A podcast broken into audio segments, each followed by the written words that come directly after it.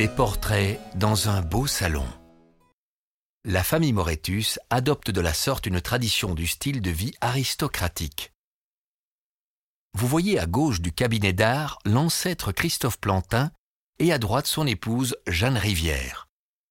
Ensuite, à gauche de la grande cheminée, Yann Ier Moretus et son épouse Martine Plantin et les parents de Yann, Jacobus Mourentorf et son épouse Adriana Gras.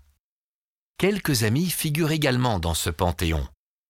À gauche de la porte, vous voyez Benedictus Arias Montanus, le rédacteur de la Bible multilingue de Plantin, et Petrus Pantinus, un médiateur entre la cour et la maison d'édition.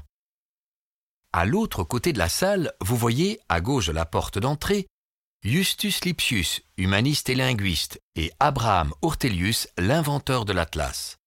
À droite, vous apercevez Gaspard Guevartius, humaniste et secrétaire municipal, et Balthazar Ier Meretus. C'est ce dernier qui commande la plupart des portraits dans cette salle auprès de son ami, le peintre Peter Paul Rubens.